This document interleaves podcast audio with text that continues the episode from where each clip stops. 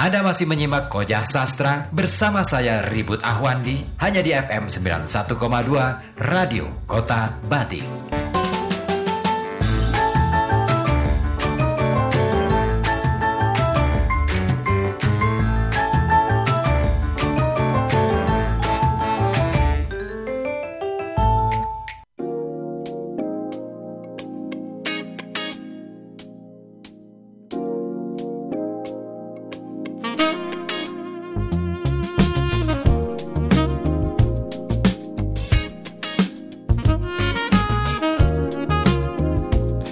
Lanjut lagi di Koja Sastra bersama saya Ribut Tahoni dan juga ditemani oleh Bayu, Bayi Haki, ada juga Nadia Utomo. Harus saya sebut namamu. Oke, okay. uh, eh, malam hari ini saya juga akan menghubungi salah seorang teman dari Unisula. Beliau adalah seorang dekan atau apa ya ketua fakultas ya, oh, dekan fakultas uh, keguruan dan ilmu pendidikan Universitas Sultan Agung Semarang. Nah, beliau uh, selain sebagai dekan juga sebagai salah seorang akademisi di bidang sastra dan bahasa. Jadi sangat sangat uh, sangat apa ya istilahnya? Saya sangat merasa berbahagia dan merasa terhormat karena beliau tadi siang langsung mengiyakan uh, ketika harus dimintai untuk uh, dihubungi. Wah, luar biasa. Oke, okay, um, berbicara soal fakta dan fiksi ini, bye. Bye. Namamu keren, bye. Oke, okay. di telepon sudah. Uh, sudah ada yang gabung. Oke, okay, kita sapa aja dulu ya, Bay ya. Assalamualaikum, Pak Dekan. Waalaikumsalam warahmatullahi wabarakatuh. Gimana kabar Pak Dekan? Sehat? Alhamdulillah sehat. Luar biasa. Aku suka dengan suara jenengan itu yang selalu menggelegar. Benar-benar seorang aktor. Oh itu ya. Ini tak besar-besarin loh. Relasinya nggak kayak gini. iya, seorang aktor harus bisa mengolah suara. Kalau enggak kan nggak kelihatan aktornya kan gitu. Pak Dekan, Gimana ya. uh, apa ini? Uh, kita akan sedang membahas mengenai re hubungan realitas dengan fiksi. Ini menarik ternyata. Uh, tadi saya sudah putarkan cerpennya Abah uh, Gusmus ya, yang judulnya yeah. Wabah. Ini menarik karena cerpen ini sepertinya kan baru sepertinya ya, sepertinya hmm. sedang menceritakan apa yang terjadi hari ini, padahal itu ditulis pada tahun 2003. Nah, yeah. ini menarik.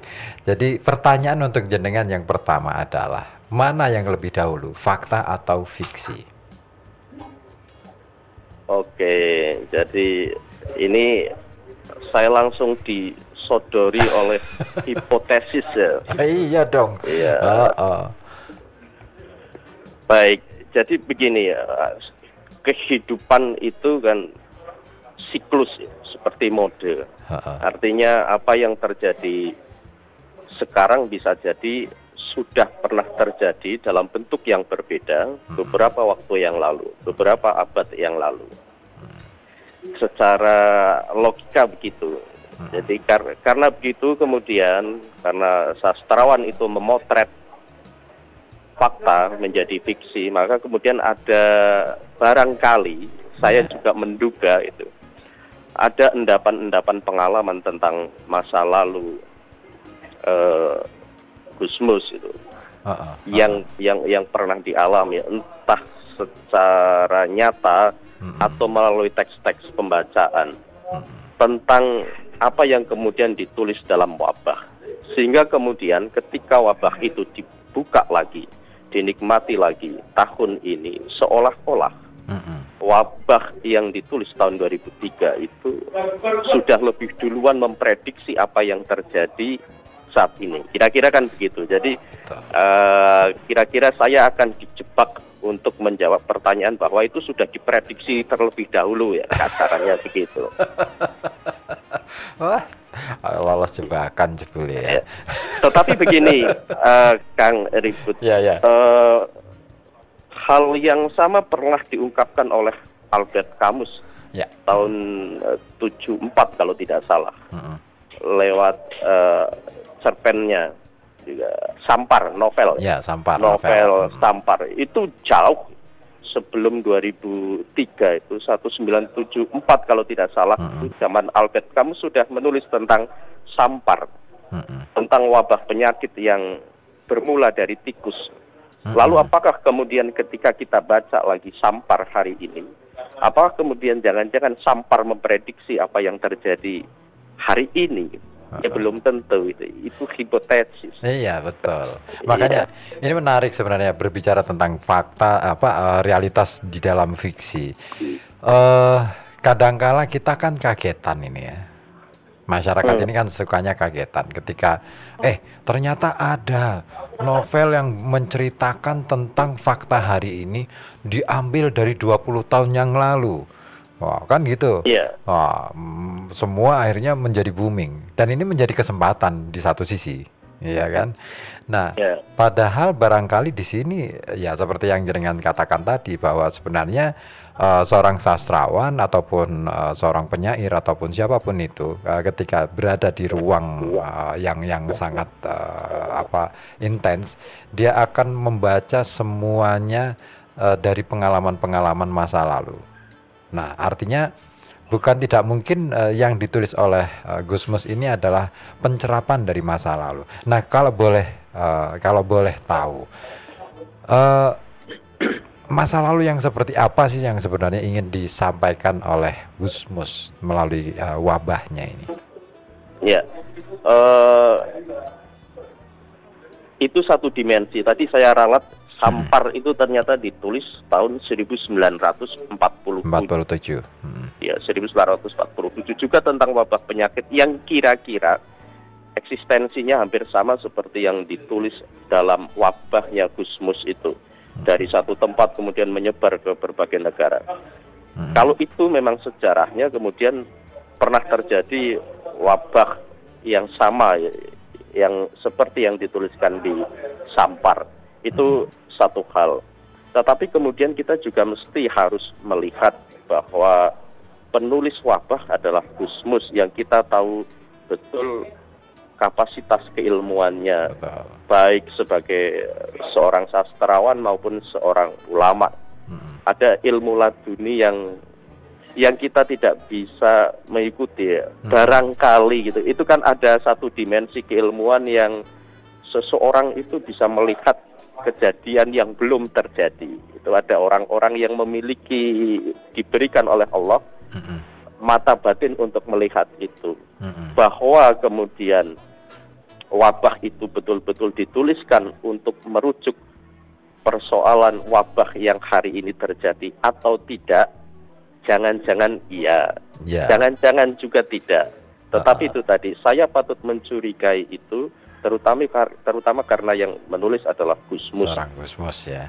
Iya, Eh, yang- barangkali ya ah. kalau yang menulis Kang Ribut ya, ini ya serta merta saja ditulis. Iya betul, paling iseng gitulah ya. Iseng. iya bener, saya suka iseng bener. Eh, tahun 2003 yang lalu saya menulis tentang parlemen WC dan baru kemudian tahun 2010 parlemen eh, gedung DPR rame eh, mi- DPR-nya minta perbaikan toilet Iya, gitu iya, kan. iya, iya, iya. Tapi itu bukan berarti aku meramalkan enggak sebenarnya. Iya. Eh, jadi gini, waktu saya menuliskan itu eh, atau mungkin sebenarnya teman-teman yang lain, teman-teman sastrawan yang lain juga menuliskan itu, em, saya kemudian mendapatkan masukan dari salah seorang senior. Juga dia juga seorang sastrawan, eh, penulis novel dan juga penulis eh, puisi eh, dari Jakarta. Dia mengatakan ke saya gini, makanya hati-hati kalau nulis gitu. Aku langsung dibegitukan karena eh, apa yang kita tulis bisa jadi itu adalah apa ya refleksi kita atau gerak refleks atau eh, semacam respon terhadap eh, gejala-gejala yang hari ini terjadi dan kemudian terakumulasi dalam satu tulisan sehingga ketika itu spektrumnya di apa ya spektrumnya dilebarkan dipanjangkan itu bisa menjadi semacam kayak ramalan masa depan Hmm. sepakat nggak seperti itu Em, ini kan begini itu tadi karena siklus kehidupan hmm. itu kan berputar.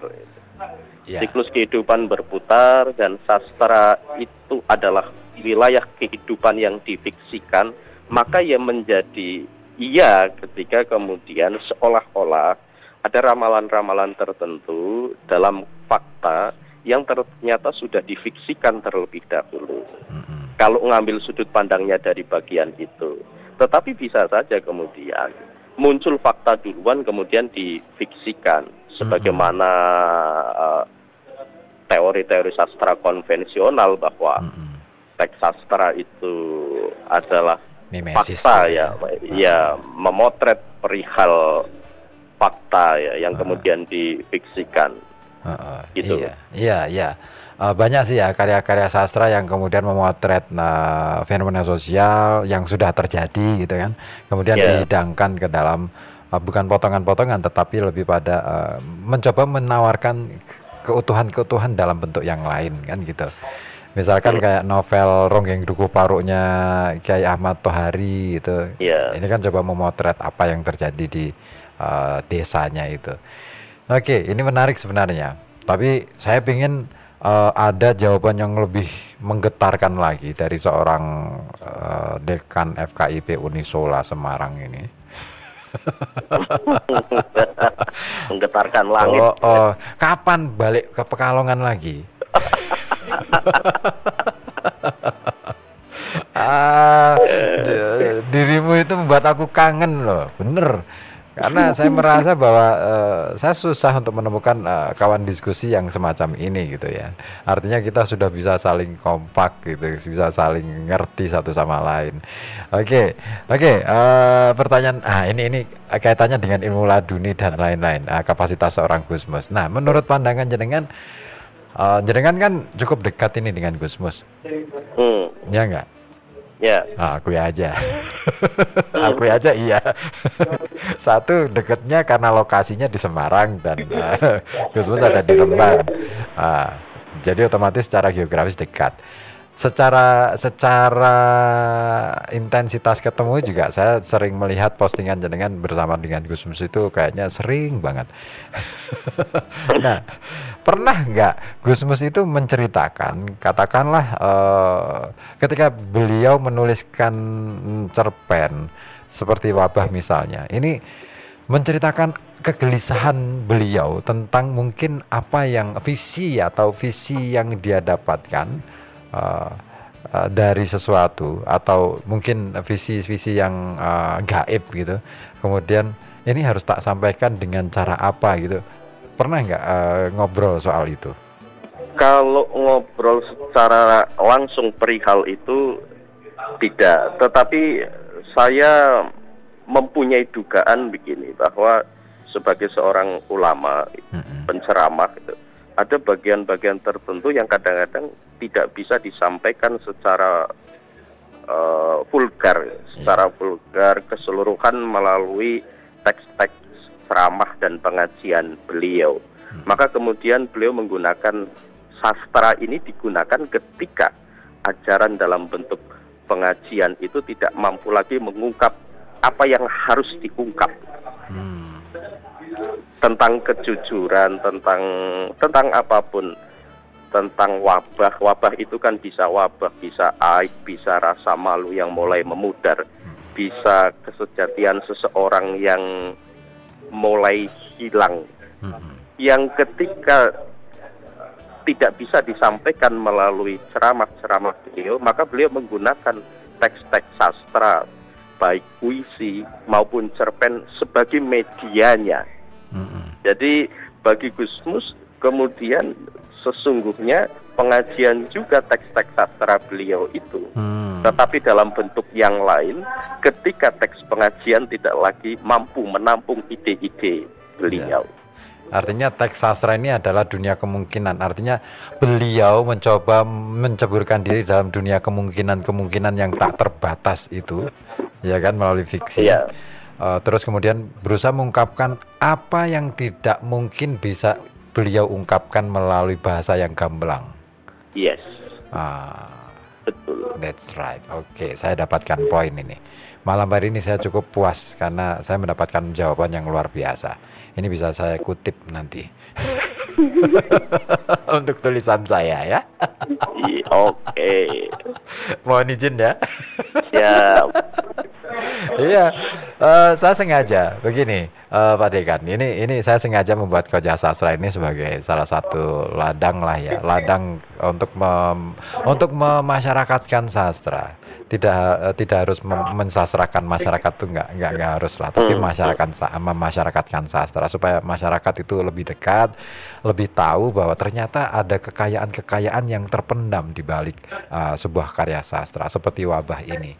Saya tertarik dengan tadi yang jenengan katakan wabah dalam konteks eh, cerpen yang ditulis oleh eh, Gusmus ini punya kemungkinan-kemungkinan lain bahwa wabah tidak harus eh, diterjemahkan secara letterlek sebagai penyakit. Bisa Iya. aib, bisa macam-macam. Nah, ini saya tertarik di situ eh, karena ini ngomong tentang semiotik. Nah, Menurut jenengan sebagai seorang akademisi yang juga uh, mencermati karya sastra, apa sih yang yang lebih dekat dari yang dimaui oleh teks wabah itu? Dia ingin ngomong tentang apa sih sebenarnya? Em, di wabah ini saya coba membanding-bandingkan Hmm, eh, tulisannya Gusmus ini dengan tulisannya Putu Wijaya. Ya, Di kumpulan cerpen Putu Wijaya Grace itu ada cerpen yang yang bukan ada semua cerpennya berjudul satu kata. Ada bisma ada roh ada dompet ada yang lain-lain. Yang ternyata merujuk pada persoalan lain. Dompet misalnya tidak tentang dompet tentang sesuatu yang lain. Semiotiknya ternyata menghubungkan dompet dengan hal-hal lain di luar dompet. Dan pada wabah ini sesungguhnya wabah yang paling mengerikan itu adalah wabah yang berasal dari diri kita sendiri. Dan Iya. kekotoran yang paling kotor itu justru berasal dari kekotoran pikiran dan perasaan kita. Iya, yang jauh lebih berbahaya dibanding corona sekalipun. Oh-oh. iya, Ya. iya benar, iya iya betul. Karena pada beberapa bagian itu kan disebutkan juga bahwa ternyata eh di tengah-tengah wabah itu kan akhirnya orang-orang saling tuding, saling eh, mencurigai. Curiga, Ah, ya. dan Dan itu, tidak mencurigai dirinya sendiri. betul. Itulah yang sekarang sedang terjadi. Ya, maka sekarang banyak yang positif corona Heeh. lalu diisolasi baik mandiri maupun oleh gugus COVID. Lalu imunnya turun itu bukan karena penyakit, Mm-mm. karena dijauhi orang-orang yang menganggap COVID ini sebagai aib. Hmm, itu dia. Ya, itu lebih berbahaya dari coronanya. Betul. Tapi ada loh, ini pengalaman seorang teman. Kemarin beliau itu dia seorang guru. Beliau sempat positif corona, terus kemudian tapi OTG, nggak sakit. Hmm, Eh, dia dia melakukan isolasi mandiri dan selama 14 hari itu saya sering apa ini japrian sama dia. Saya selalu tanyakan eh, keadaan dia dan selalu ketika ada update yang terbaru saya bikin tulisan tentang dia. Ini menarik. Dia mengatakan bahwa sangat beruntung saya masih bisa isolasi mandiri karena apa? Inilah kesempatan saya untuk membuktikan bahwa saya itu apa punya karya, punya sesuatu yang tidak dimiliki oleh orang lain. Dan itu memicu dia untuk menjadi sembuh eh, dan pulih. hmm. Ba- bahkan yang menarik lagi, dia ini sampai ngomong ini. "Eh, saya malah merasa bersyukur karena jadi positif dalam arti akhirnya saya eh, harus isolasi mandiri dan ketika isolasi mandiri itulah eh, dia punya kesempatan yang lebih untuk bisa mengenali dirinya sendiri. Ya. Hmm, Itu itu Oke. bagus. Heeh. Eh, ini uh, ada respon negatif dari lingkungan si guru itu atau tidak? Respon negatif sih tidak terlalu eh, karena kebetulan uh, apa beberapa tetangga, uh, beberapa orang di sekitarnya ini tidak terlalu menghiraukan. Bahkan beberapa orang tokoh-tokoh yang punya cukup punya power di situ tidak membuat dia ini harus dikucilkan. Hmm. Nah iya. itu yang membuatnya cepat sembuh. Ah. Kita coba bayangkan ketika lingkungan mulai menolak yeah. keberadaannya, ah. menganggap bahwa ia adalah wabah yang harus dijauhi. Mm-hmm. Maka sesungguhnya wabahnya bukan dia, bukan corona, tapi mm-hmm. wabahnya adalah orang-orang yang punya pandangan seperti mm-hmm. itu. Mm-hmm. Mm-hmm. Iya betul betul. Iya energi pikiran kan jauh lebih mengerikan ya daripada energi yang lain gitu ya. Iya karena semua berawal dari pikiran kata oh. Aristoteles.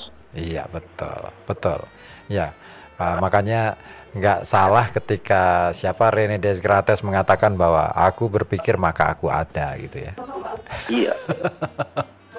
Oke, oke Pak Dekan. Uh, sepertinya saya sudah kehabisan bahan pertanyaan untuk anda. Ada mungkin yang ingin disampaikan terlebih dahulu?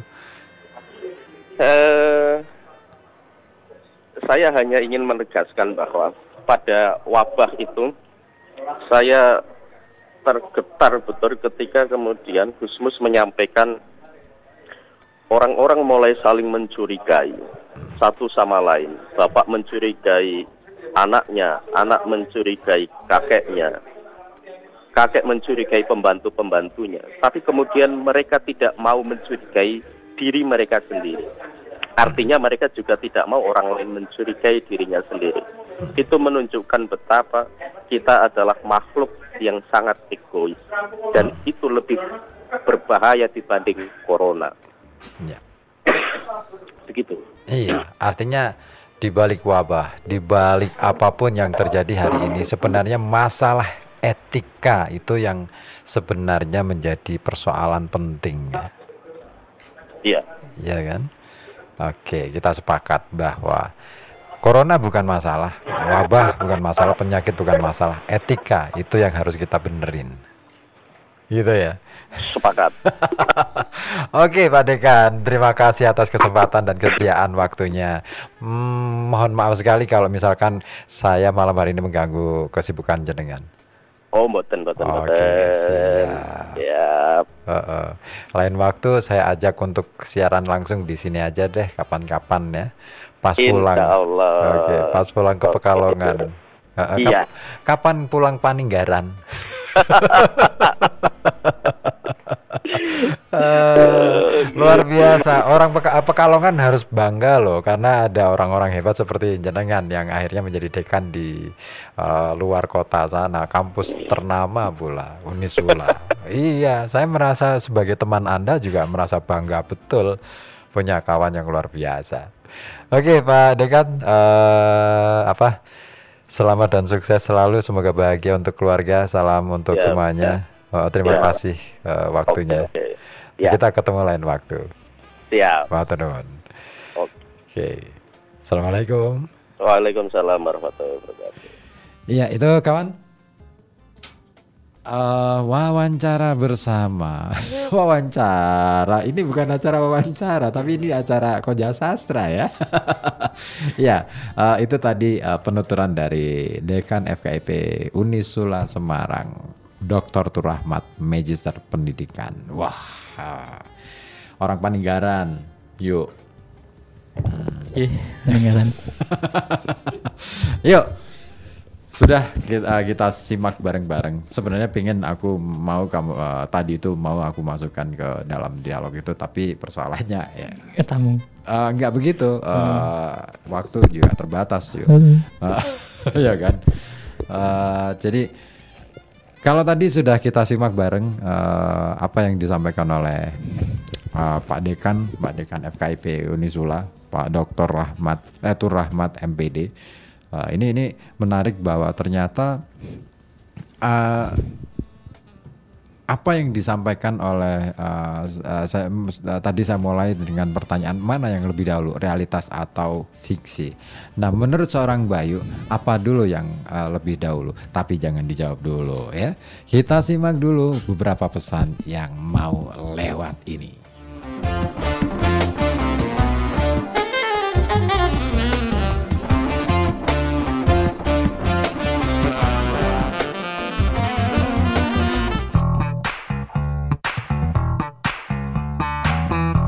Koja Sastra akan kembali setelah beberapa pesan berikut ini.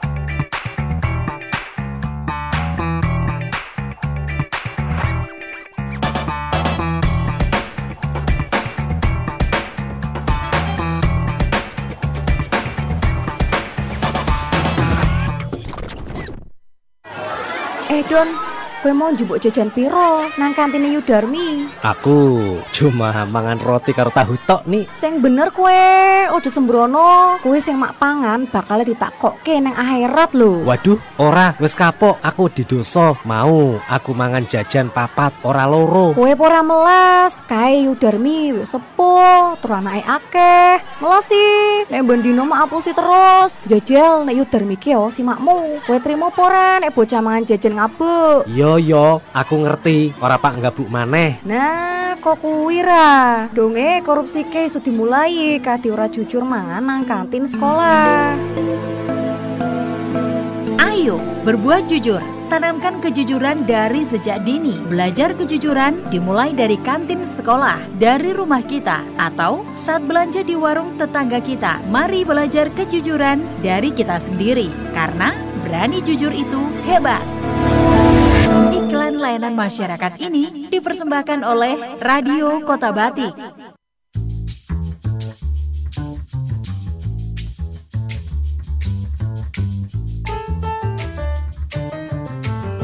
Anda masih menyimak Kojah Sastra bersama saya Ribut Ahwandi hanya di FM 91,2 Radio Kota Batik.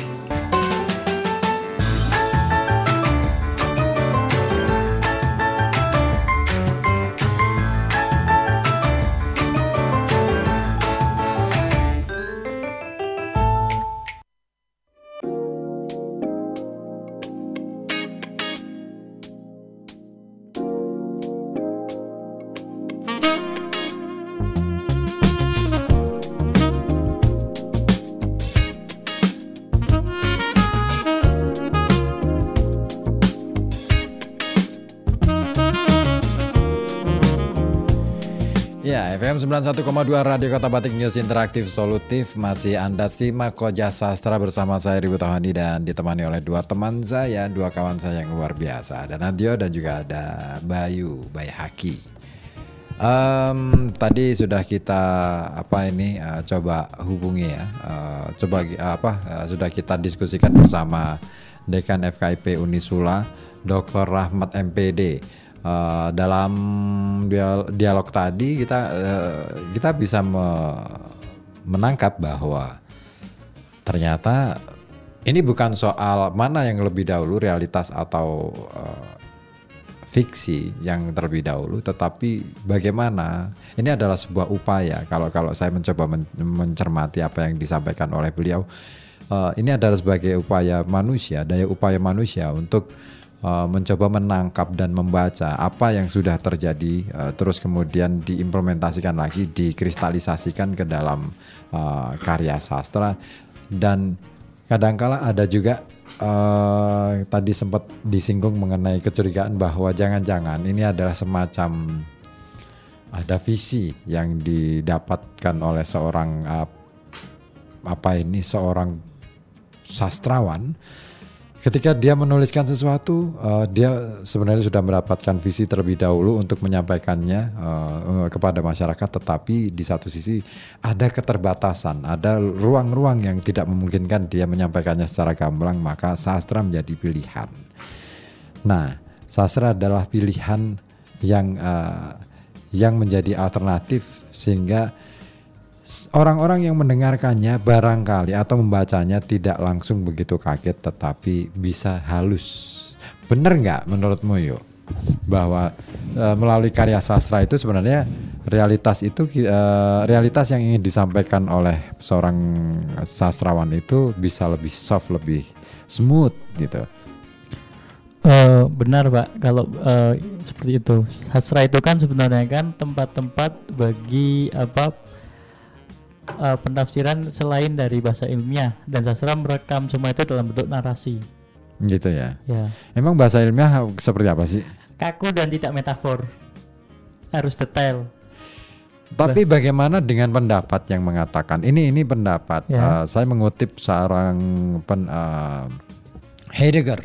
Heidegger pernah mengatakan bahasa sebagaimanapun dia disampaikan secara lugas adalah metafora. Ya memang semua metafor sih sebenarnya apa sih yang tidak metafor Iya, iya makanya kan eh, makanya eh, kita ngomong soal realitas dan fiksi ini menarik sebenarnya. Eh, ketika kita menyadari bahwa, bah- eh, apa pun itu bahasa selugas apa pun adalah metafora. Artinya apa? Eh, realitas benar kata Ferdinand de Saussure bahwa realitas itu sebenarnya nggak ada. Yang ada adalah bahasa. Karena realitas itu berdiri sendiri, tidak bisa ditangkap dan tidak bisa dikristalisasikan ke dalam definisi-definisi. Ayo.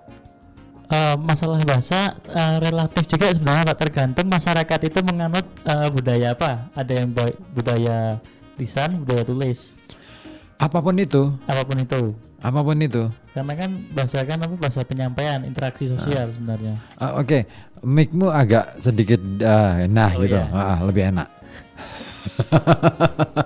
Ah, aku di headset ini nggak nyaman. gitu. sempurna nih Heeh. Oke, bahasa mm, di mana pun bahasa. Katakanlah misalkan gini, kita menyebut benda eh, yang kita duduki itu adalah sebagai kursi. Tetapi sejak kapan atau eh, bagaimana eh, di- dia dinamai kursi dan apakah benda itu mau dinamai kursi? Kita nggak ngerti. ya Ada- cukup eksistensialis Iya juga kan? ya. Realitas realitas benda ini sebagai kursi itu sudah ada sejak sebelum nama itu ada. Iya kan? Oh, ya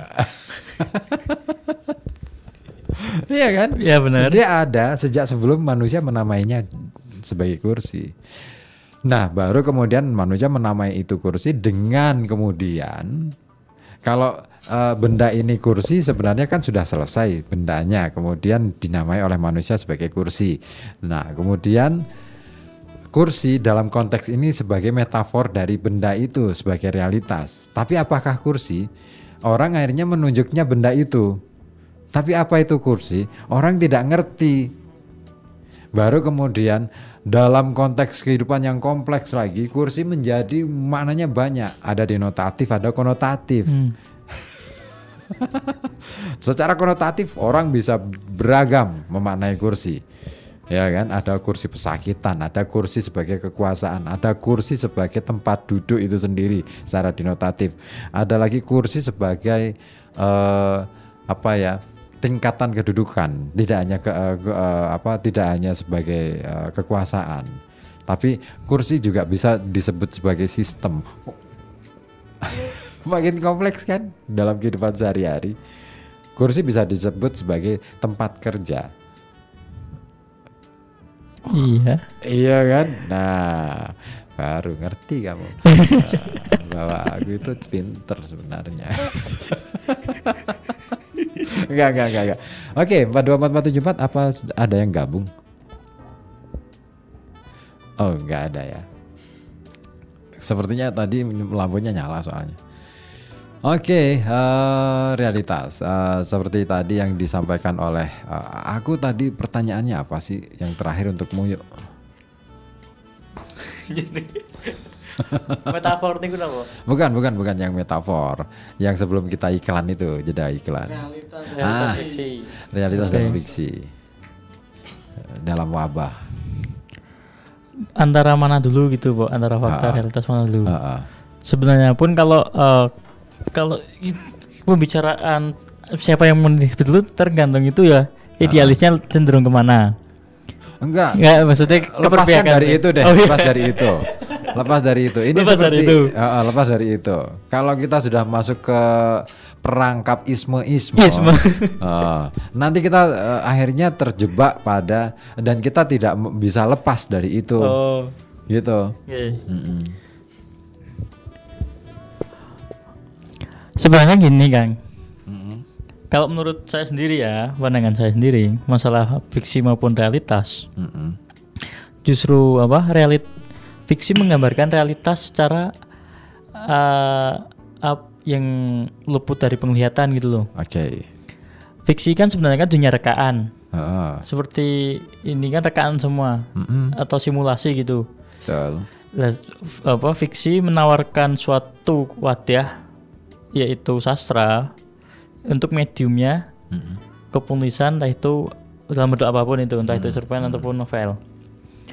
Eh, dalam fiksi pun sebenarnya pun tidak melulu eh, masalah imajinasi, namun ada juga ada tiga i sebenarnya Apa itu? imajinasi, Aha. intuisi, Intuisi ya. dan interdisipliner. yang terdisiplin apa itu? Interdisipliner itu bahwa kita membutuhkan ilmu lain untuk menjelaskan ilmu itu sendiri. Oh, keren keren. Ini kamu dapat contekan dari mana sih? Baru. Iya iya iya, terusin terusin terusin. Aku aku aku suka ini, aku suka aku suka. Iya iya iya. Ah, ini ini ini keren loh. Ah, ah. itu semacam formula sih sebenarnya. Tiga I itu tadi. Tiga ya. I. Imajinasi, intuisi dan juga Interdisipliner. interdisipliner. ya. Artinya ketiganya diramu gitu ya. Ya diramu dalam bentuk tulisan Mm-mm. berkaca dari pengalaman terdahulu dan entah itu secara empiris maupun rasional, pengetahuan maupun pengalaman. Mm-mm. Kemudian mereka ya apa penulis itu gambarkan, kemudian kita suguhkan ke khalayak umum sebagai pembelajaran sebenarnya. Hmm. Agar antisipasi apabila hal yang dianggap fiksi ik- atau fiktif itu terjadi beneran tidak sesuatu hal yang mengejutkan, kaget. Ini keren. Ya seperti itu. ini keren, ini keren. Aku aku baru dengar ini eh, bahwa eh, karya sastra dengan kata lain kan gitu ya. Hmm. Saya mencoba untuk eh, ini ini apa mencoba memadatkan apa yang kamu katakan bahwa karya sastra mau tidak mau ditulis sebagai cara manusia untuk mengajarkan sesuatu. Begitu. Secara tidak langsung seperti itu. Saya tidak langsung begitu. Artinya eh, pengertian sastra. Kita kembali ke pengertian Oke. awal bahwa sastra kalau dalam bahasa Sanskerta, nah, kita soalnya terjebak pemahaman sastra hari ini. Kita terjebak pada pemikiran Barat sana, litera. Apa yang harus tertulis? Hmm. litera, Iya. ya kan? Nah kemudian, tetapi kalau kita kembali ke pengertian awal yaitu dari bahasa Sanskerta, sastra, itu ya memang alat untuk mengajar sebagai pedoman. Jadi sebenarnya uh, kita sebenarnya dengan kata-katamu tadi sebenarnya kita sedang merindukan masa itu. Jangan-jangan seda- kamu sedang mencoba merefleksi masa lalu itu, sedang mencerap masa lalu. Jangan-jangan, jangan-jangan kamu lahirnya duluan ya, atau jangan-jangan kamu reinkarnasi dari siapa yuk?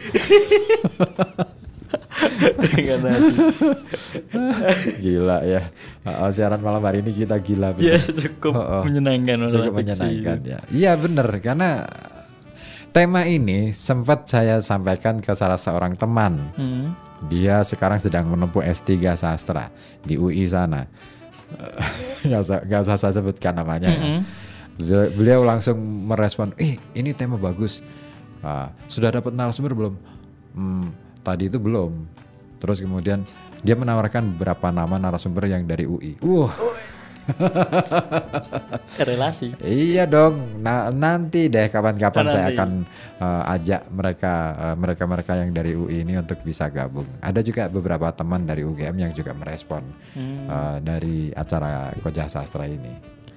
Iya, mereka sering nonton eh, audio podcast kemudian eh, mencoba menghubungi saya secara eh, pribadi. Wah, keren kan acara ini? Wah keren, standar. Oke. Nah, itu tadi eh, soal wabah. Tapi masih ada satu cerpen lagi sih sebenarnya yang ingin saya tampilkan malam hari ini yuk. eh, cerpennya judulnya Amplop sebentar sebentar abu-abu. amplop amplop abu-abu ya. Ini bukan ngomongin soal amplop yang kemarin Iya, dibagi-bagi ya. Tapi ini ngomong yang lain lagi. Tapi kita simak aja deh. Daripada penasaran, mendingan kita simak saja uh, pembacaraan cerpen amplop abu-abu karya Gusmus. Seperti apakah gerangan? Kita simak langsung aja. Dan ini sekaligus menutup acara kita untuk Koja Sastra. Emang kamu mau? Ya nggak apa-apa sih. Kalau mau dilanjut nggak apa-apa. Dilanjut aja kan. Dalam gelap tidak ada dusta biasanya. Oke Kita deh. lebih terbuka mungkin. Oke deh, nanti untuk acara berikutnya eh, ragam kabar berita malam mungkin agak nyusul ya. Aku yang jadi diprotes nanti. Enggak, enggak boleh. Eh, Enggak boleh. Tetap ini yang terakhir. Terima kasih atas Oke. kehadirannya Bayu. Terima kasih juga untuk Pak Turahmat ya, Dr. Turahmat MPD, Dekan Unisula eh, Semarang atas kesediaannya. Terima kasih Anda telah menyimak Koja Sastra bersama saya Ribut Ahwandi dari FM 91,2 Radio Kota Bati.